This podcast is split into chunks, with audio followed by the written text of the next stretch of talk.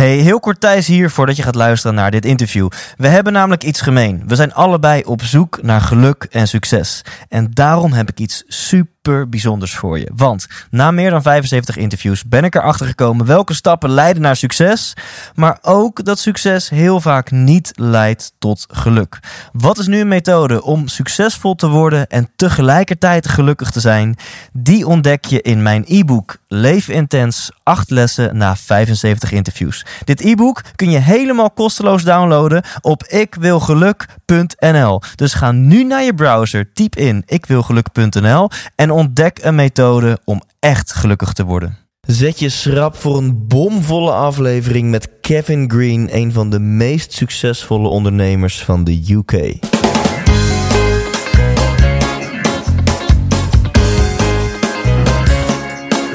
Hey, wat goed dat je luistert. Hij staat weer voor je klaar. Je wekelijkse dosis inspiratie is weer daar. De allerleukste gasten geven al hun kennis prijs. Met je veel te blije host, hij praat je bij. Zijn naam is Thijs. Thijs,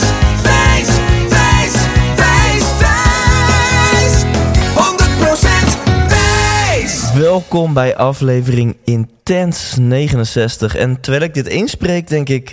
Eigenlijk had ik Goedele Liekens moeten vragen voor deze aflevering. Zij staat namelijk op mijn lijstje. Sterker nog, ik heb ook haar 06-nummer. Maar het is mij nog niet gelukt om haar te strikken voor de podcast. Ja, mocht je dan weten, Thijs, hoe heb jij dat nou weer voor elkaar gekregen? Dan moet je gewoon een keer een lezing van mij bijwonen. Daar vertel ik er mogelijk wat over. Terug naar deze aflevering. Wie heb ik wel in Intense 69? Ik heb Kevin Green voor jou geïnterviewd. En om heel kort zijn levensverhaal met jou te delen. In uh, 1988 was hij dakloos. Um, hij werkte op de boerderij van zijn vader.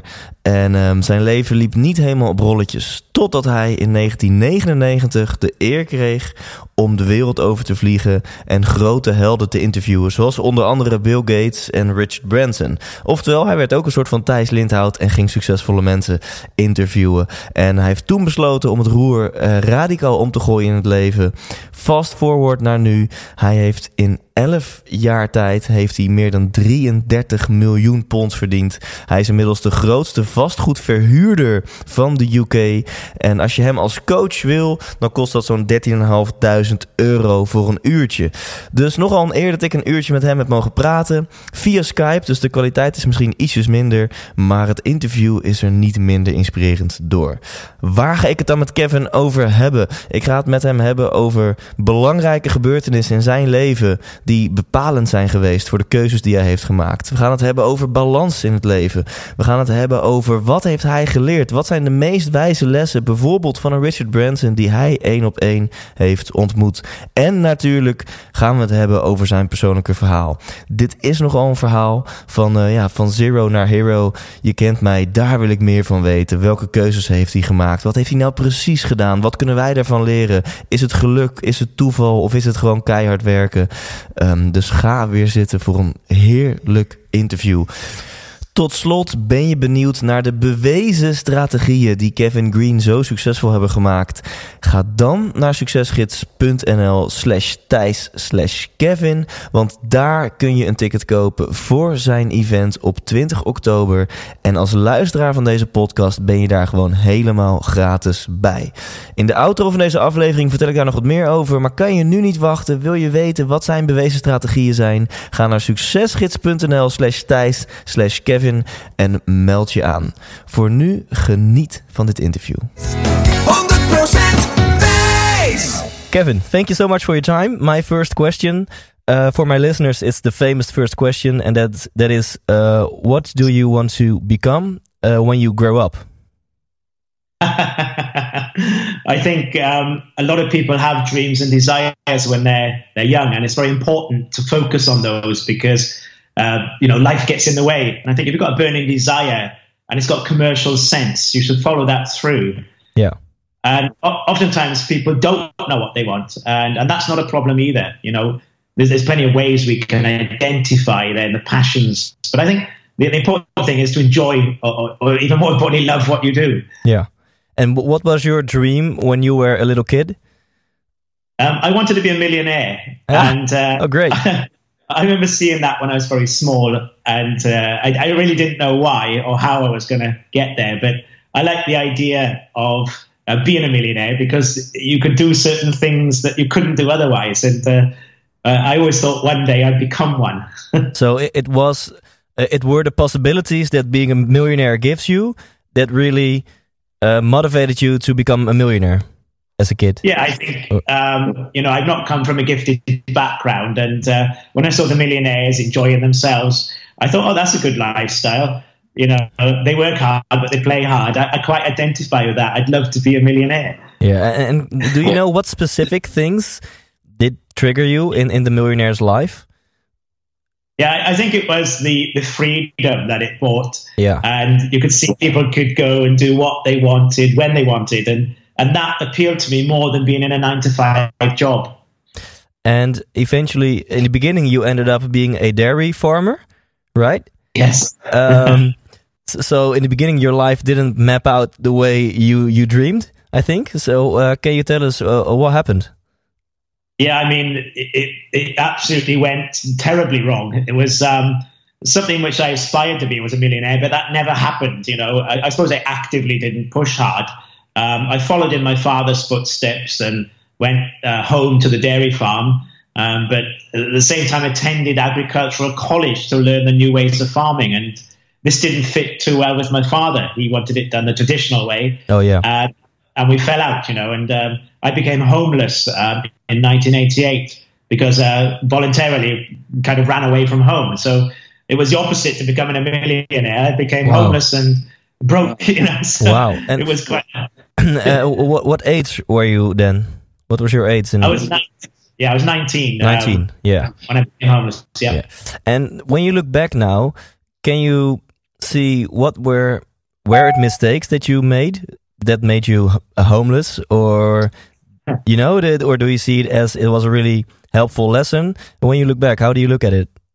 I, th- I think it's a learning period. I think the, the universe always provides us things that we need to work on, you know, and, and God will never give you anything that you can't complete. You know, so I, I feel maybe I was a bit boisterous in that, um, you know, I fell out with my father. We're the best of friends now, and we have been for many years. But um, at that time, I was strong-minded, so is he, and we clashed. You know, and, yeah. and do I regret that? Not, not really, because I think it was supposed to happen. You know, sometimes you have to go through pain to achieve success, and, and, and certainly it was a big eye opener for me, uh, making me appreciate life hugely, appreciate family, uh, and really focus from that point forward, and not wasting any second of my time. You know, so the fact it happened probably means it's led to me being in the position I'm in today, and I wouldn't yeah. be in this position if it hadn't been for that. So at that time, what meaning did you give it, and what new choices or decisions did you make? Well, at the time, I couldn't see, as I just described. I just thought, oh, you know, I made a wrong choice, but I'm too proud to go back. Yeah. You know, I was begging the lorry drivers for chips off their plate just to get food, you know, and uh, eventually landed a job, um, ironically, milking and managing a herd of, herd of dairy cows. Um, so, which I did quite well for three years until my sister passed away. Um, and on that point, I came back to the home farm and uh, actually, you know, under different terms then as well with my father and, and grew the home farm. And um, uh, eventually, you, you, started some new businesses uh, and you became successful. Um, so, so, can you? My, my, listeners are always really curious about the lifeline, you know, about the detailed story. Okay, in 1988, you were homeless. Can you tell yeah. us? Uh, can you elaborate step by step? How did your life map out? Um, and and and what what happened? What choices did you make? What did you do that made you uh, the successful businessman you are now? I think, in a, in a nutshell, the homelessness made me appreciate everything uh, and value health and, and what we have got. Uh, my sister's death was the next big trigger. So I was 22 by that time, and she died at the age of 20. Uh, and it woke me up. I've got no other brothers or sisters. I thought I'm going to make something of my life from that point forward. Um, you know, she didn't have any choices in that because she was taken. And I, I realized I had choices. And I was going to prove to myself that I could become that millionaire. And, and from that point forward, it was my focus. Um, I still didn't know what I wanted to do. I knew I didn't want to continue dairy farming, and it was getting very frustrating, you know. Yeah. Um, so I, I, fortunately came across uh, a Nuffield scholarship program, which allowed me then to apply for a scholarship to travel the world, and I was lucky enough to win that. And that was the, the main next turning point. Um, I interviewed some very high achievers, and uh, it really fueled me with the passion to push forward. Yeah, and um, so, so, you specifically uh, you signed up for the scholarship because you wanted to interview like the big names in the world. Yeah, I wanted to find out why they were successful. What was it about their attitude and personality which made them different to normal people? And my ultimate goal was to emulate what they did because yeah. I thought, why, why, why change the system? If somebody's doing something very well, let's just copy what they do in the yeah. way they approach yeah. it. And that was my objective, really, was to learn about the way that they conducted business, the way that they were in their life. And uh, it was a, a real eye opener for me. And can you tell us one or two insights? What do those people do different in their lives or in their business? I think what they do do in the eyes of other people is take risks. Um, but what I found is they're calculated risk. Yeah. And people, rather than talk about doing something, as I was doing then, they actually form a plan to doing it and follow that through. Not, not all those plans work out, but the ones that do work extremely well. And, and I just thought, right, I've got to have a go at this. I've got to find out what my passion is because they're very passionate, each of them, about what they did in their various sectors. I've got to find my passion. I've got to follow that through. And, and lucky enough, on the way around the interviews, I came across people that were into property and they were fixing up houses and selling them on for profit. They were fixing them up and renting them out. And that really resonated with me because they were taking something which needed work and help and making it better, you know nice, making nice homes for people to live. And I really loved that. I thought, right, I want to do this. How am I going to do it? You know, and and that was my, focus from that point forward, was to get into property. So you you found out. Um, among many other things, you found out three things that these successful people do differently. You say they have a lot of passion for what they do. So they're really passionate yeah. about their jobs, about their life mission. Uh, they take calculated risk. And yeah. maybe most importantly, they don't only talk, they do.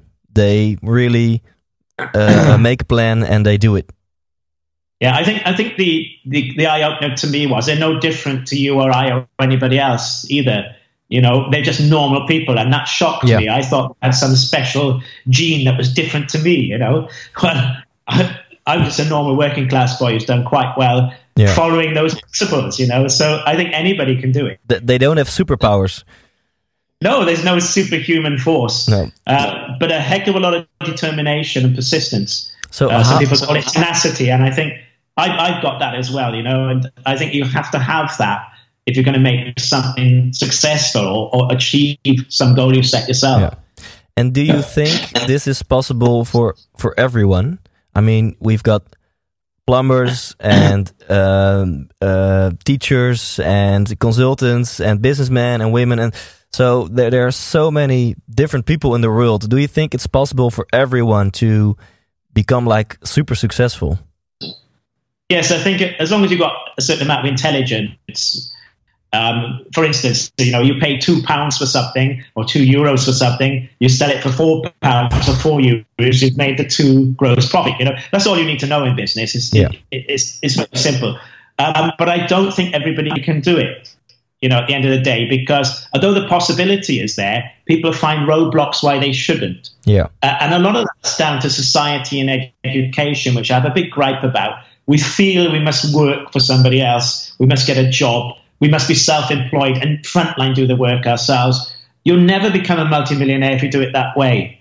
You must be thinking bigger and yeah. owning and controlling. If you own and control, then you're going to create a big empire. And, that, and that's something I realized many years ago. And i am very hands on, you know, by nature. And I had to step back from that front line and not do the plumbing if I was a plumber, if you know what I mean. Yeah, yeah. But actually own a business and have other plumbers working with me would be the way to expand that. And, and I've gone with that philosophy in everything I've done. I, I now have 28 major businesses. Uh, and we put a lot of food on the plate for many families. You know, we we connected to many people through those businesses, and uh, I'm proud of you know what everybody's doing in our organization. Yeah, wow, that's great. And we're going to talk about that uh, later. Um, first, I have another question. I think you and I can agree that one of the basic ingredients of a happy life, or maybe even a successful life, if we defy uh, successful as happy is that you do what you love, right? So you do what you're passionate about. Um, I, I think I yeah. totally agree. uh, But you know, what I've learned to believe is over the years, family comes first. You know, um, if it's something that your family loves to do along with you, and, and they're thoroughly involved in it, I think it makes such a difference. You know, you go Yeah. out alone and try and do something that you solely love. Maybe it's not quite so good because friends, family, the whole environment's very important around you as well. I think Yeah. we need to be mindful to include their needs and respect uh, their views as well. And um, of course, I'm really curious how you keep balance in your life. Uh, but before you answer that, um, I think your uh, your motivation of becoming a millionaire is, uh, I think you're really passionate about about growing a business, about the lifestyle and stuff. But don't you see a lot of people who want to become a millionaire, or they want passive income or financial freedom, and they like skipped step one, and step one is find out who you are, what makes you happy. What's your vision on this?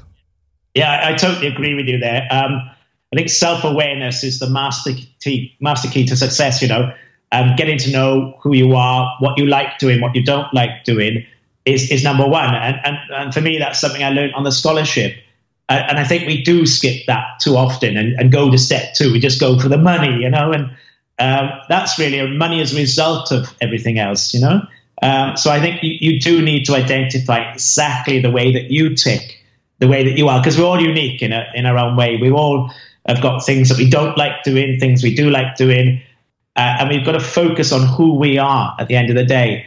Um, one thing we will probably do is put ourselves down uh, lower than what we are, and, and that's a common uh, fault in all of us. You know, Yeah. if we ask somebody else what do they think of us, they always put us higher in their regard than what we do ourselves Yeah, you know, we are self-critical, especially within Europe, and I think we need to understand that yes, we've got faults, all of us, but despite that, you know, we can be hugely successful. You look at any successful person in the world, nobody's perfect at the end of the day, and I think the more perfect you are, the more problem you've got. and uh, what made you believe in yourself?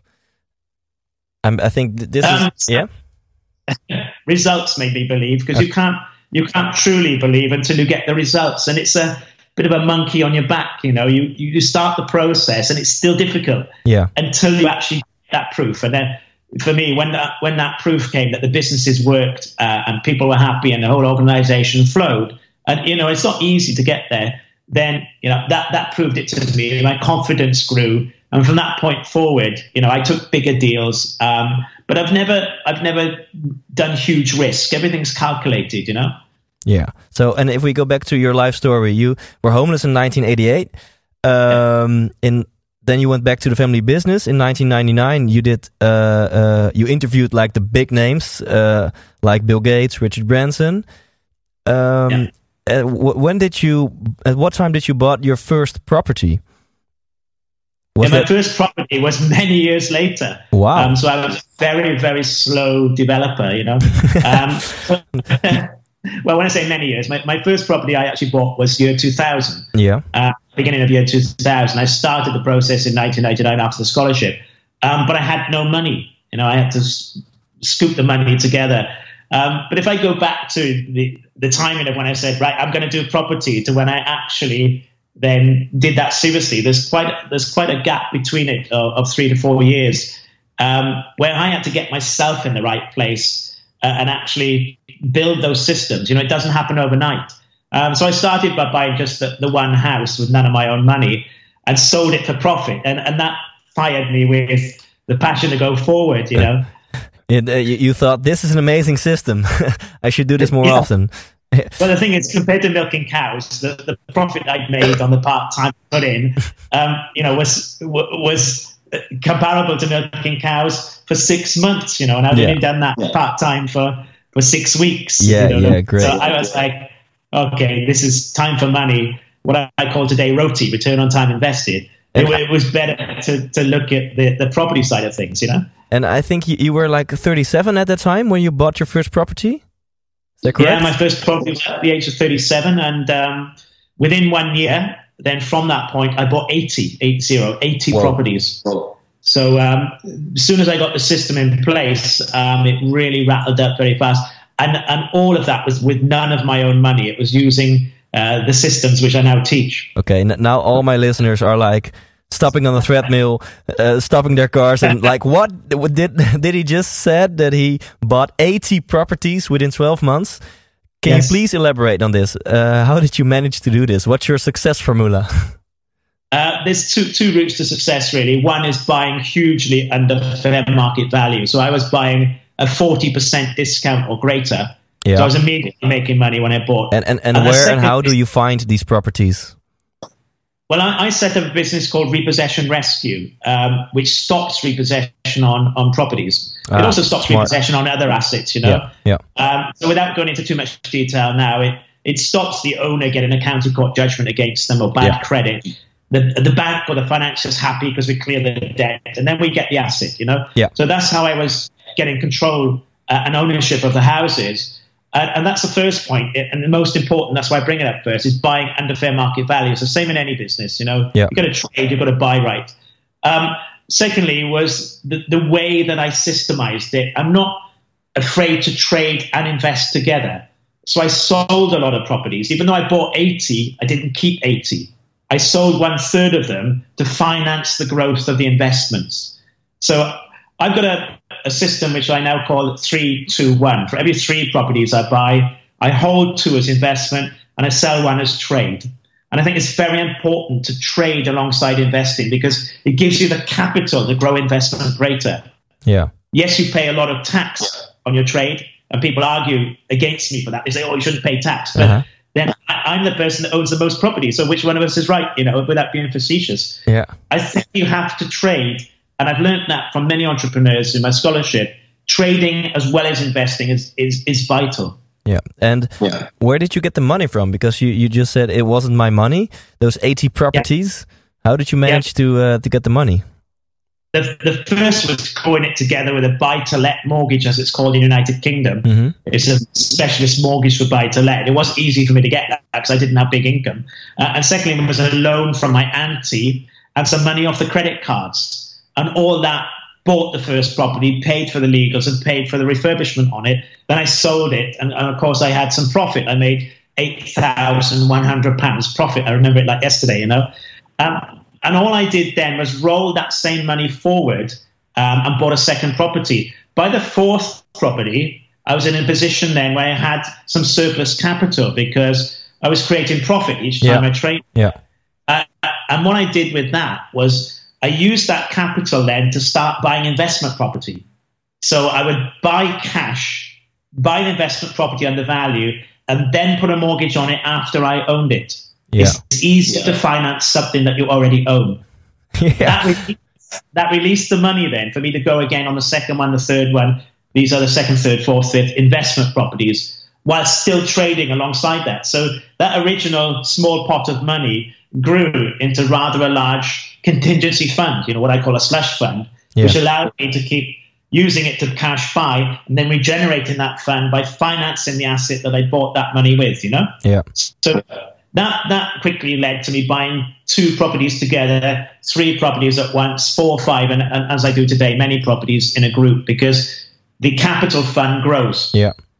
Uh, importantly, I didn't go and buy luxuries like a a Rolex watch or a Ferrari or anything like that at that time. I was very frugal. Okay. Uh, there's a word I learned recently called parsimonious. Okay. And I think to be parsimonious is important, you know. And for the listeners, Kevin just showed me his like a 50k Rolex uh, golden watch. well, today, today, I'm in a different position and I yeah. can afford to spend some luxuries. But a, a big, you know, indicator back then, I was not spending on any luxury at all. All the money that I was generating was going back into the growth of the portfolio yeah. yeah. to create cash wow. flow. Yeah. Um, and so, so, it was like a machine you built, like a super smart machine. When you had a little bit profit, money went back into the machine. You, that made the machine bigger, more property, more profit, money back into the system, and that's how it began to grow like exponentially.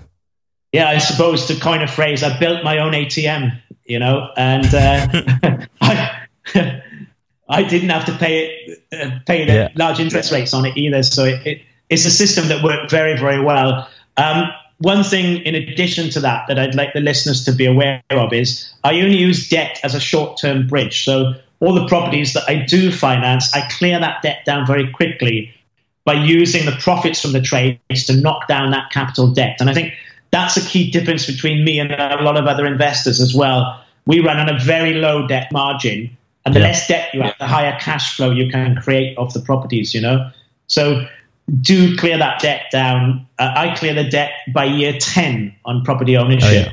Uh, yeah. Maximum, sometimes even before, usually by year seven, eight, but certainly it's gone by year 10. And that, that's my system. It is like a cash machine, but it's a cash machine which is growing bigger and bigger all the time yeah. uh, with very little risk because that debt level, the gearing is very low. My, my gearing today is 17%. And that's the difference between what I owe and what I own. So I've only got 17% of my wealth is debt. Yeah. And um, so by the time you were 38, you owned 80 properties. Um, yeah. Maybe a little bit a rude well, question, but at, what age? I didn't. I didn't own eighty. I oh, bought eighty. You bought eighty. Yeah, yeah. But but I actually owned fifty nine because I traded the others wow. out. Wow. So by the end of year one, I've now got fifty nine properties. well, that, that's okay. It's okay. wow, that's amazing. And um, so, at what age did you? Um, how do you say that? Did you achieve your boy dream? At what age did you actually become uh, be, a, a millionaire? Well, I was 38 and a half years old, um, exactly when I became financially free. And wow. I, I, wouldn't say I was a millionaire, but it, it gave me the, the, first step was I had enough cash flow coming in to more than feed all my outgoing. So that was for me the first goal, financial freedom. Yeah. Um, to yeah. become an actual millionaire, it, it, depends which way you define that. I was already a millionaire in equity. Yeah. Um, but to have a million pounds in the bank, which is what I wanted, to, to show something, to prove it, which I can prove to you right now. I have a bank account right now that's got more than one million pounds in it. Uh, and it's a company called Green for Go Limited. If you search the company, you'll see the profits then. And, and right now, it, it, it actually has money at bank about 1.2 million pounds. Yeah. Um, but I first achieved that in a bank account then five years after I started. So from 37, I was then 42 before I could hold up that slip of paper, the copy of the bank account that had that one and the six zeros behind yeah. it, you know? How did that and feel? it was in there.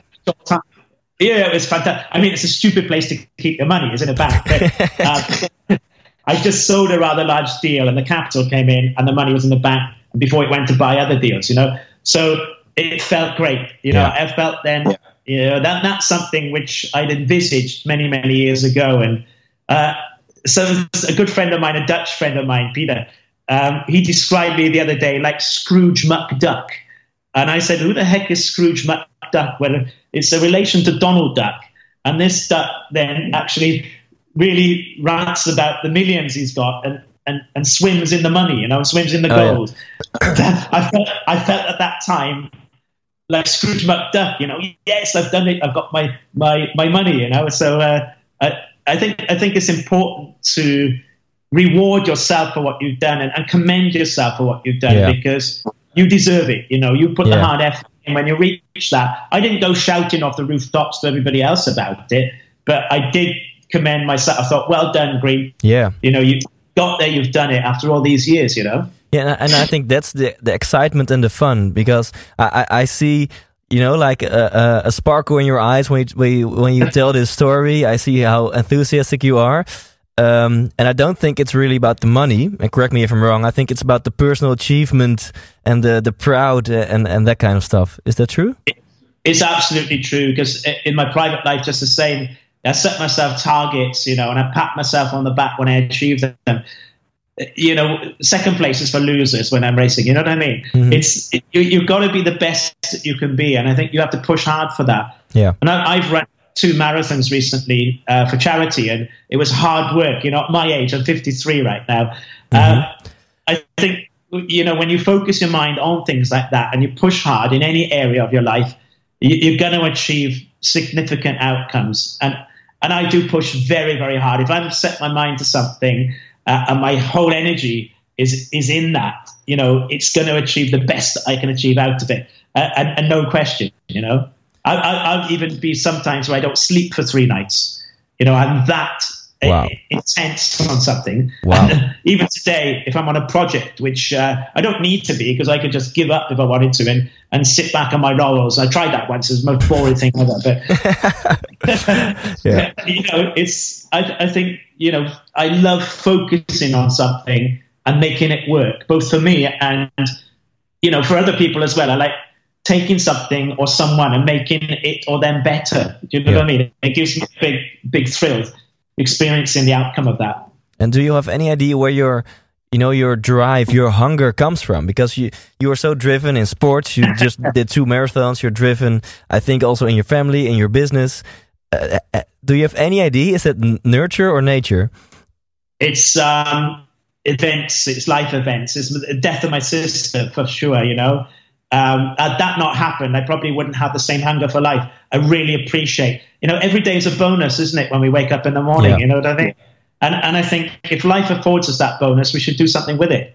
It's too easy to sit there, moan and complain, and let all the blame culture come into you. And we've all got that. We blame the government, we blame the neighbours. Oh, I can't get the money, I can't get a job, I can't do.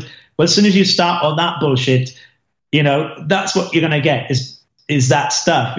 You've got to really get off your backside and get out there and do something. And I'm dyslexic and I'm not afforded any special golden spoon in my mouth. Mm-hmm. You know, it's just um, where I am lucky, I suppose, is that I've been through a lot of pain. And I think through the pain, we grow. And a lot of my friend, friends who are entrepreneurs, they have a similar story where there's been massive pain somewhere and that's changed their outlook on life to appreciate things a little bit more yeah. and do something for themselves you know? I really i really like that. Every every day you wake up and you breathe and it's a it's a miracle and we should do something with that. Yeah.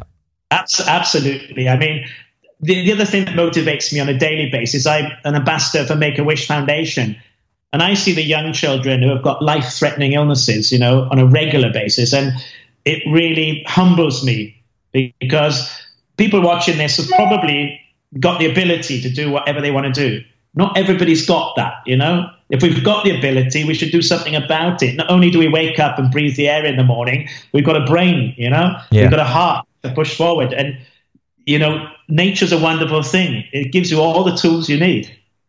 And can you tell us something about?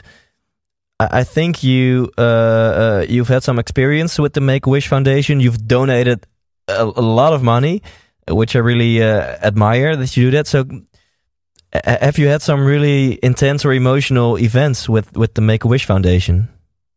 Yes, I have. As an ambassador, obviously, I'm, I'm pretty much frontline, and um, I'm, I'm, working with the wish granters and the volunteers, and you know, I get to meet the children a lot, and, and a couple of them have become very, very close friends as wow. well. And unfortunately, you know, not everybody passes away, luckily, um, but it is the nature of the charity, and they're supporting people with life-threatening illnesses. You know, um, so you know what what we do is try and make that special. You know, help to grant that last wish, whatever it might be. And I've actually been involved in granting wishes through. I have an Aston Martin DB9, and uh, I took one young lad for a ride in that. He wanted a ride in an Aston Martin, actually dressed as Spider Man. We both dressed as Spider Man, you know.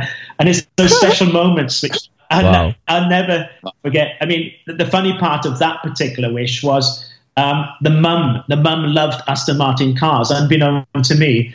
And the, the, the mum said, Can I have a ride as well? Before she got in the car, the husband, the, the young boy's father, said, I warn you, she talks a lot, you know. So I, am fine, and I'm thinking I'm I'm going to find a way to shut her up if she talks a lot, you know.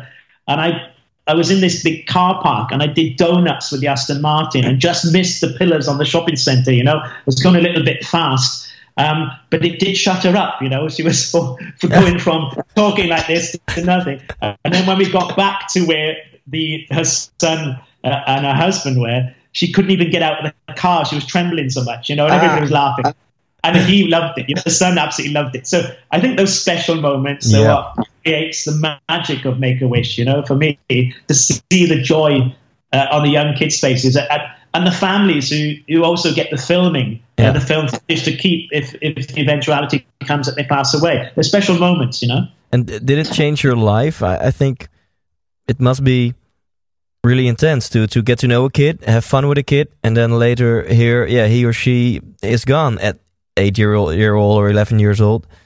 Yeah, Uh, did it- that I change your life? it, it does change my life. It makes me appreciate life a lot. You know, it's um, I also get an insight because we, as um, I suppose, the senior members in Make a Wish, we get to see the doctor's note copy of how long that child has left to live, and sometimes these wishes are rush wishes. You know, and um, you know we know there's not much time left, and you can see that physically, and they're getting tired, and you know it does make you wake up a lot. And and, and when you hear other people moaning about things, you think, well, hang on, you know, this young child hasn't got those choices. Those parents have got to put up with that bereavement, you know, that's about to be instigated. You know, wake up, get on with it, you know, because stop moaning and complaining and get off your backside. That's what I I take from it, you know, and I- and it, and it motivates me as well hugely. Wow. And um, just to get back on something you said earlier, we, we go from one topic to the other topic, but uh, that's okay. I think my listeners uh, like that. Uh, you said something about live events, um, uh, maybe even negative live events. You know, we, we all experience shit and crap and, and negative things in our lives, in business, in love, in family. Um, Yeah. And I think it's really motivating or inspiring that you said you have had a lot of live events. You know a lot of successful friends and people who've had a lot of live events, uh, um, negative live events or intense live events. So I think this gives hope for a lot of my listeners who who are like, yeah, I'm not really successful, or maybe I'm not really happy with myself, with my relationship, or I, I've I've been through so much crap in my life. Um, so my question is, do, do you have a piece of advice for those people that gives them hope? Like you can use these events to become more you or something. I, I think you have to follow your true path. Um, if your relationship's not working, change it. If life's not working, change it. You know, there's only one person going to change something in your life. And I speak from experience. Um, my wife, uh, ex-wife now, uh, but my wife at the time when I first started buying property, she didn't like the idea of buying property at all. Um, she wanted to stay farming, so it ended up with us getting divorced. You know, um, and and you know I, I respected her views, but we weren't on the same page at all. And uh, I tried desperately to keep that marriage together, but it, it didn't work.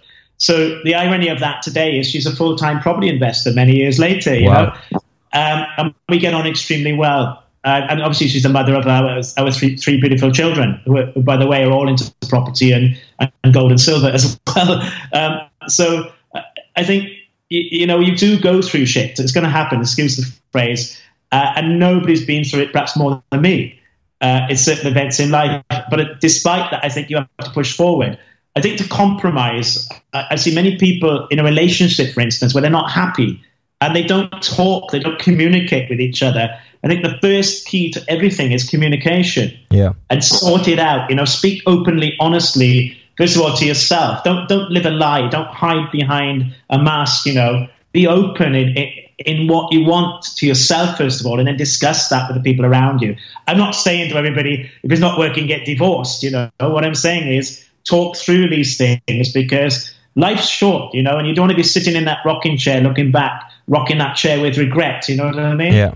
You, Totally. the, So, the time to sort about is now, not one day in the future. so th- this is a piece of advice from Kevin. It's all you. It's hundred percent you. When's the when's the best moment now? And you can change your relationship. You can change your work. You can change your life. Do it and change it if you don't like it. Yeah, I mean, you can change yourself in a click of the fingers. Yeah. It, it, it's that straightforward. The, the problem is our brain logic tells us not to for many reasons: safety, uncertainty. You know, end of the day, if you only had a week left to live, what, what would you do? Yeah. You know, and, and, and follow those passions, whatever it is. You've got to, obviously we've got to be able to live and make some money in some way. And I think owning and controlling business is is for me, the, you know, the, the pivotal for that, and it's great fun. It's not for everybody, you know. Some people feel safer and happier Yeah. in a job. Totally. So I mean, we're all, we're all different. So I think really uh, connect to your true self, find out who you are, what you're passionate about is step one. But then again, I think step two is have the courage to make those decisions. Um, just like you said, a lot of people are afraid to make those decisions. They tell themselves uh, stories. Where did you find the courage? And do you have some advice for for us. Where can we find the courage? but well, I, excuse the phrase, but I grew a pair of balls. You know, um, I, I, think uh, the courage came from me looking at what if I don't do this. You know, I, I focused on the flip side of it. I thought, well, if I don't do this, what's going to happen, and how am I going to feel? You know, and I would feel just the same as I was then, frustrated, underachieved. Um, I, my kids said to me when they were younger, Dad, you've got potential you know, but that's all I had. I never forget that. And I wanted to realize that potential, you know. So I made the pain of not doing it in my mind greater than the pain of doing it and failing. Does that make sense? Yeah. I'd rather have tried and failed than have not tried. Yeah. Uh, and since I got that and I got that in here, then there wasn't a problem anymore. There was no, no problem trying. Obviously, I, I researched things huge and I make it as safe as possible. Um, but, you know, I, I didn't want to be in the frustrated position I was milking cows and, and just making ends yeah. meet, you know? Yeah, so make sure you feel the pain of not living your true self, of not making your dreams come true. And maybe from yeah, that pain comes motivation. To, yeah, sorry but. That has to be bigger. That pain yeah. of not doing it has to be greater than the fear of doing it and failing. Okay. One last question for you, and then, and then I'm going to put you on the spot. Uh, you'll find out in a moment what that is. Um, and my last question is about balance. You you have a family, I guess, right?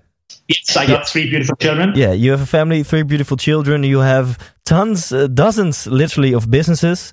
Uh, you are the the largest residential property landlord in the UK, or one of the largest. Um, so you have, and, and you are on stage around the world. You you fly all over the world, every continent to do keynotes. Um, you have a busy life. How do you keep balance and even do marathons and stuff and have a family life? um, because as some people call me, I'm lazy. I get other people to do the work, you know. Uh, so I, am very good at motivating people to certain things, and um, I suppose it's for me, I've stepped back from frontline. I've become the observer. You know, I observe things and I put people in those key places.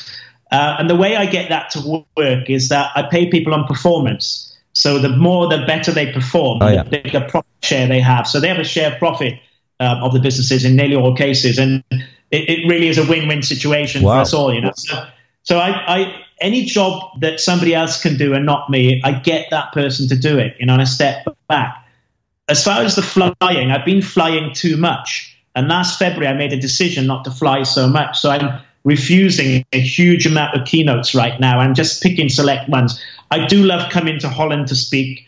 Um, I've got a big affinity there. So I will continue coming to Holland uh, with Success Gids, with Arnoud and Stefan. Yes. Um, we have a very strong relationship. Um, and you know, we've changed many lives, and I, will continue that because I love those guys to bits. But I'm being very selective now in what I do. So you'll see the flying around the world changed dramatically to not flying much because everybody thinks it's glamorous. Um, but that got a chore towards the end of last year. And I thought, well, I'm, as soon as something becomes a chore, I'm going to change it. So I didn't take any any new uh, keynote contracts with other promoters yeah. or, uh, or, other people uh, around the world. So it's I think you have to really allocate your spare time that you want. And, and for me, number one is my children, uh, but they're all pretty much grown up now. So my eldest is 23, middle boy is 21, and the youngest is 19.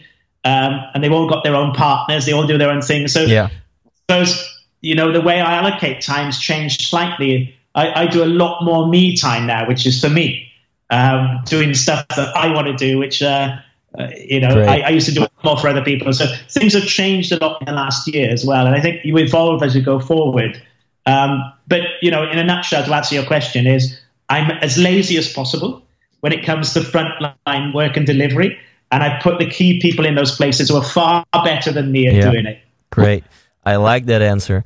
And um, I think this is possible for more people than they are aware of, you know? I think some people will think, yeah, Kevin, of course, he, he can do this because he's like rich or he has stuff or something. But I think if you have this lazy mindset, if I can put it like that, you know how you want to spend your time uh, and you hire people uh, to do stuff uh, at the back office or at the front end of your business or, or whatever, and you just give them a piece of the pie, then I think Yeah. uh, this is achievable for everyone, right? Yeah. Well, I mean, if you can't afford to do that, you've got the wrong business idea. There should be enough commercial um, return and profit in a business that Yeah. you can profit share. And I, and I believe that's the key to my success as well is uh, by sharing with many. And obviously, you can't do everything yourself and making that, that growth. And at the end of the day, I see the ones who don't do it that way, and they, they are literally working 24 Yeah. 7. I don't do that. I have a nice, nice lifestyle and I do the things I want to do. Uh, and I've got a huge list of hobbies, you know, and, Awesome. and friends that we do things with. So, I, and I think that's important. Great. I like this. I'm going to put you on the spot. That means it's like, uh, I think there are like 10, 15 opposites. This goes really fast because you have to answer from your guts, you know, from like the feeling in your heart or your, or your I belly. didn't know this was coming. what? I didn't know this was coming. So. No, this is so, it's literally, I'm putting you on the spot. Um, Okay. But I can see that you're, uh, you're looking forward to it. So let's go. Uh, day or night? Day, Driver or passenger? Driver, Green smoothie or English breakfast? green smoothie, Naked or pajamas? naked, Camping or all inclusive? camping. Oh, really? Yeah. Uh, cl- classical music or death metal? Death metal, No more music or no more sex? no more music. that was easy. Uh, the Maldives or Iceland?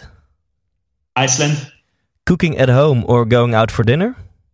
cooking at home, Uh, a Monday morning yoga or a Friday afternoon drink?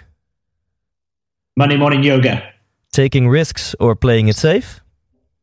taking risks. Money makes you happy or money makes you unhappy? Money makes you happy. Richard Branson or Steve Jobs? Branson, Book or podcast? book, Justin Bieber or Justin Timberlake? Timberlake, Focus on the future or focus on the here and now? the future, Enjoying the process or enjoying the achievement? the process, And the last one, living one day as a king or living one day as a child again? uh, living one day as a child again. Great. Is there one you want to um, get back on? You want to elaborate? I was laughing about the sex one. I, I think it's important. I, I was reading in a magazine recently that entrepreneurs have higher sex drive, you know. So there's one good reason to become an entrepreneur is that Wow. leave Wow. alone anything else. So it's uh, the, the entrepreneur entrepreneurial female and male has higher testosterone. And, and that's now proven. So uh, Wow. get out there and get more active in business because it helps in other areas of life as well. Wow. Now, now, now a lot of puzzle pieces in my life are coming together now. Great. So, um, you're coming to Amsterdam in the outro uh, of this episode. So, like in 30 seconds or 60 seconds, I'm going to tell my listeners about your event in Amsterdam, and I'll make a great offer for them uh, with Success Gids. Um, so, stay tuned. But before we go to the outro of this episode, do you have one last piece of advice for my listeners? Yeah, always follow your heart before your head. Feelings are much stronger than thoughts. Awesome. Thank you, Kevin. Thank you very much. Okay, that was cool. I enjoyed it. Okay, good, good, good. Me too. I liked your, your, your clothes. I never had that before. cool. Um, yeah, that's it. So uh, thank you very much. It was like 15 minutes. Um, Great. um, great. Yeah, so, uh, sorry it's been a long time coming. I think this has been on the cards quite a while. Doing Yeah. this one. You know, we've been, and I have been the last um, fulfilling contracts. You know, very busy the last uh, few months. So, but as I say, that's going to change. Yeah.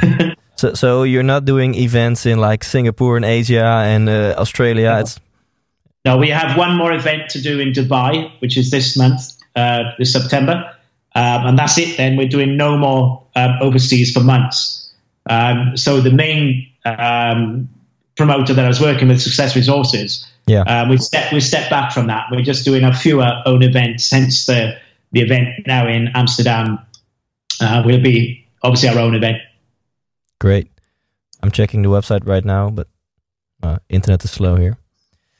Um, I'll I'll let you know when when we air the episode. Maybe I don't know if you have Twitter and Instagram and uh, something like that. You can uh, Yeah. maybe do some uh, uh, promo for for the podcast episode.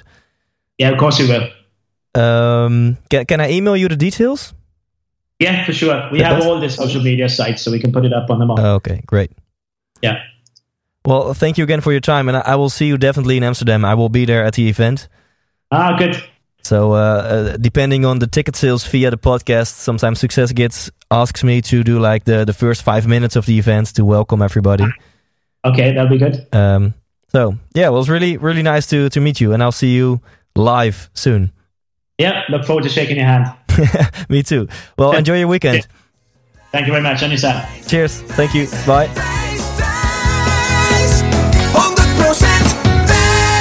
Lieve luisteraar, bedankt voor het afluisteren van deze aflevering. En wat is dan die aanbieding? Wat is dat offer? Dat ga ik nu met je delen. Ben jij benieuwd naar de bewezen investeringsstrategieën van Kevin Green? Wil je weten wat zijn zijn do's en don'ts?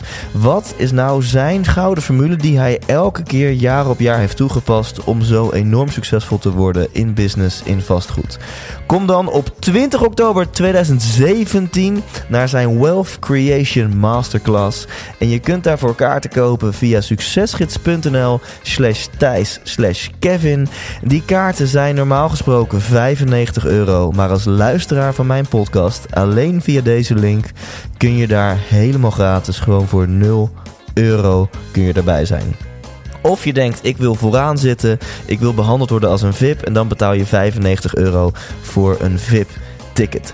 Dus nogmaals, ben je benieuwd naar bewezen strategieën, bewezen investeringsstrategieën omtrent business, omtrent goud en zilver en omtrent vastgoed? Ja, van iemand die zelf heeft bewezen dat hij echt wel weet wat hij doet. Meld je dan aan via succesgids.nl slash Thijs slash Kevin. En eh, dan ben je daar volledig kosteloos bij als luisteraar van de 100% Inspiratie podcast. Hopelijk luister je volgende week weer. Dan staat er weer een aflevering voor je klaar. En eh, tot die tijd, leef intens. Hey, Thijs hier nog even heel kort. Als je dit interview hebt geluisterd, dan ben je net zo'n gelukstijgertje als ik. En dan is er maar één ding wat je nu het allerbeste kunt doen. Namelijk gaan naar ikwilgeluk.nl, want daar download je helemaal kosteloos mijn e-book en ontdek je wat wel en niet gelukkig maakt. Oftewel, bespaar jezelf een hele hoop ellende van het zelf proberen uit te vogelen en ga nu naar ikwilgeluk.nl.